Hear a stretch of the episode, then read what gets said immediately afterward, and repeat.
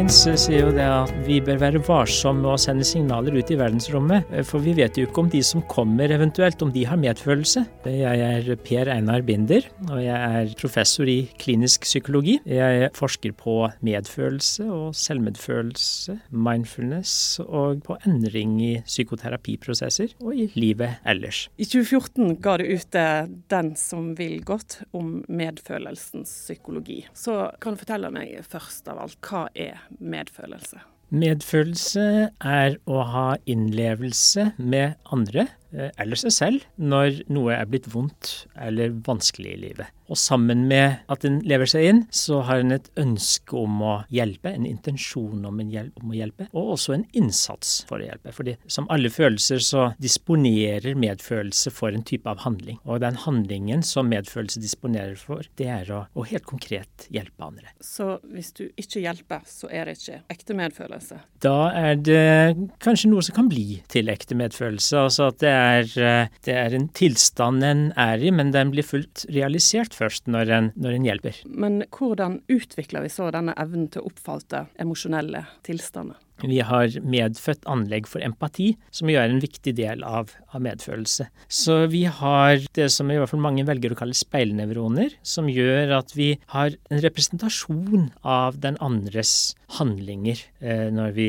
iakttar andre. Og det er det mange dyrearter som har. Eh, det som er med oss og av noen dyrearter som ligner oss, det er at det er en kobling mellom disse speilnevronene og emosjonelle sentra i hjernen. Slik at eh, når vi ser noen som gråter, så så vil vi ikke bare se at her er en som har gråteatferd, eh, vi vil òg kunne kjenne det på egen kropp. Og likeledes selvfølgelig hvis noen er glad. At eh, følelser smitter veldig fort i en, en menneskemasse. Men noen har jo mer utvikla evne til medfølelse og innlevelse enn andre. Og, eh, hvor er de fleste av oss på et sånt spekter, da? Vi, har vi lite, mye eller sånn passe mye medfølelse? Altså Når vi da snakker om empati, så er det sånn at vi er der at noen har utviklet mye empati. og andre har utviklet veldig lite empati, og at det òg kan ha med medfødte forhold å gjøre. For noen så er det slik at de har en så sterk empatievne eh, at de blir veldig sensitive på andre, og for noen så er også empatievnen så sterk at den kan være plagsom, nærmest. De takler ikke å se Dagsrevyen fordi det blir for intenst. Mens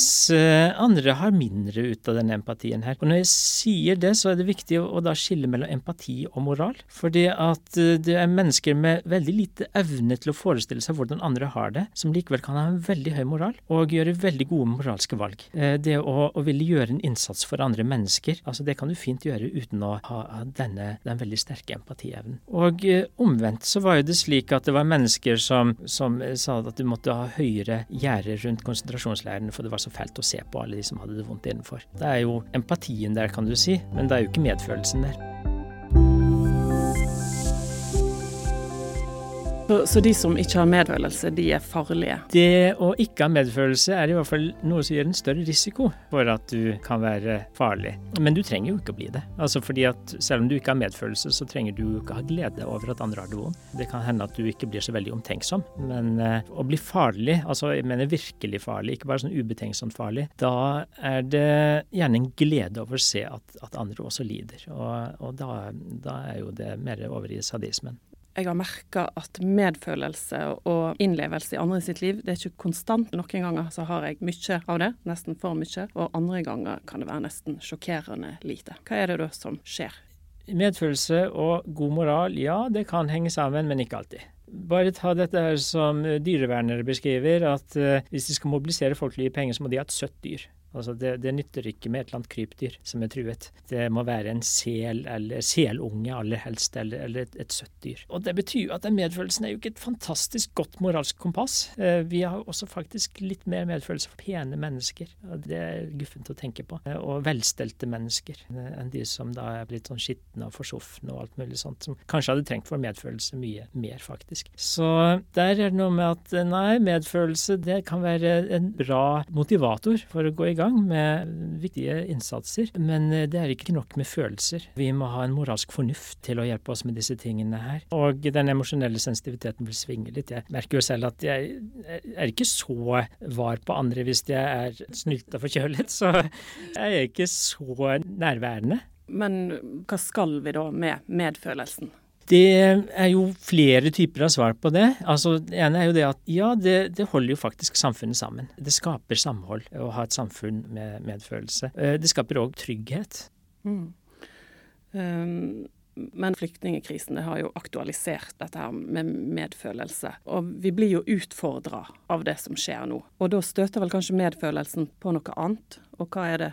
Det er jo det at det skal være en innsats for å hjelpe mennesker. Og det som jo er i den situasjonen, er jo det at eh, det er veldig vanskelig å vite hvilke tiltak som er det mest virksomme, og dermed mest best realiserer medfølelse. Slik at eh, på en måte så kan vi si at ja, medfølelse er det som trengs i den situasjonen, som et grunnmodus, som utgangspunktet for det vi gjør. Men dessverre så kan jo ikke det instruere oss i hva vi skal gjøre. For eh, medfølelsen aktiverer følelser, og de kan gjøre at en tenker litt mer uklart. Altså, det er ikke alltid en tenker logisk når en er veldig emosjonelt aktivert. Det er òg en interessant ting med medfølelse, at den, den er jo eh, en grunnbestanddel for god moral. Men den er jo ikke i seg selv moral, og god moral nødvendigvis. Eh, det var jo slavedrivere som hadde veldig medfølelse med sine slaver, som også da var forkjempere for slaveriet som institusjon. Og eh, det er klart det at var jeg først slave, så er jo ikke det tvil om at jeg helst ville levd hos den slaveeieren. Men men det betyr jo ikke at han hadde et godt moralsk standpunkt når det gjaldt slaveri. Av og til så kan jo medfølelsen vår krympe folk litt. Det blir mer en sånn 'stakkars deg', og det er jo ikke til hjelp for mennesker. Vi må jo se styrken deres også. Ja, Litt tilbake til flyktningene som kommer over havet, og, og, hvordan vi kan sette oss inn i situasjoner som er så fremmed for oss. Kan vi ha ekte medfølelse med noe vi ikke har erfart sjøl? Jeg tror vi kan det. Langt på vei, i hvert fall. For eh, hvis vi tenker på det å være på flukt, har vi gjerne ikke det. Men vi har vært veldig, veldig redde på noe tidspunkt. Eh, de absolutt aller fleste av oss. Vi har opplevd stor sorg på noe tidspunkt, de fleste. I hvert fall hvis den har levd en, en stund. Så på det følelsesmessige nivået så er vi der at vi i hvert fall kan gripe noe ut av det. Eh, du har jo vært mye opptatt av dette her med oppmerksomt nærvær, mindfulness. Og, og, du mener at det kan relateres til dette med medfølelse. Og du sier til og med at uh, for disse formene for oppmerksomhet er en betingelse for medfølelse. Dette her må du forklare meg. Når mindfulness først kom til Vesten og til USA og Norge, så var man veldig opptatt av dette med å være oppmerksom. Altså at uh, det var det å ha en klar og våken oppmerksomhet. Men så er jo ikke det nok. En løve som har lyst til å spise deg, den vil jo være veldig oppmerksom. Men det er jo ikke nødvendigvis slik at vi vil si at den var mindful. Og slik er det med oss selv også. Når vi er oppmerksom på oss selv på en kjølig, distansert måte, så er jo ikke det noe som beriker livet. Hvis vi er oppmerksom på det som er inni oss og utenfor oss her og nå, med en vennlighet, kanskje til og med med, med kjærlighet, så er det en helt annen kvalitet av oppmerksomhet. Så det er jo den kvaliteten av oppmerksomt nærvær, å kunne være oppmerksom til stede med vennlighet, med nysgjerrighet og imøtekommenhet, det er jo det oppmerksomhet oppmerksomt nærvær handler om. Og da blir kanskje ikke den koblingen mot medfølelse fullt så, så underlig. For da handler jo det om at hvis noen har det vondt, så må jeg kunne klare å samle meg. Jeg må være til stede. Jeg må ha med meg ordentlig hvordan er det dette mennesket har det akkurat nå. Men, men sånn som jeg forstår deg, så, så, mener du at de fleste av oss er ikke helt i kontakt med verken medfølelse for oss sjøl eller medfølelse for andre? Altså, det er jo slik at mange av oss kan bli veldig strenge med oss selv på måter som ikke er så konstruktive konstruktive, f.eks. Nå er det sånn at en indre kritiker har vi alle, og det skal vi ha. Det skal være en indre stemme som sier at nei, det der bør du ikke gjøre, og nå er det kanskje på tide at jeg ringer bestemor. Det er en viktig stemme, det. Så indre kritiker, da vil jeg si forlat eh, aldri hjemmet uten Eller du må jo til og med ha den på hjemmet hvis det skal gå bra der. Du, du må alltid ha den med deg.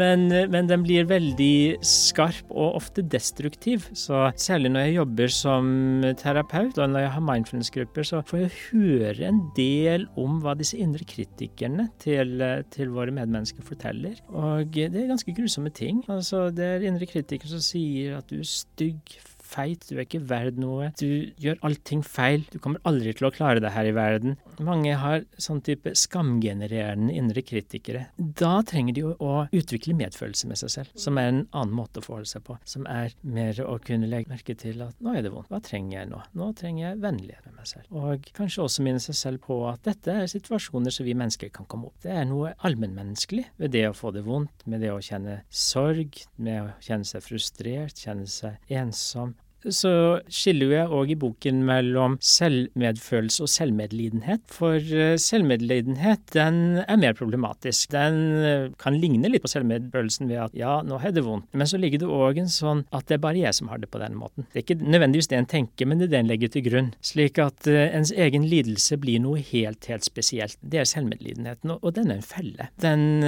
kan gjøre at du føler deg veldig utenfor. Så den selvmedfølelsen, den trenger ikke være egoisme, men nettopp en følelse av at du er del av noe større menneskelig, og, og sånn sett ikke trenger være noe vi skal skamme oss over, da. Det som gjør at en del mennesker stusser når de hører begrepet selvmedfølelse, er jo det at eh, de tenker da straks på selvmedlidenhet. Men det blir egentlig noe veldig annet. For eh, medfølelse handler om, om det kollektive.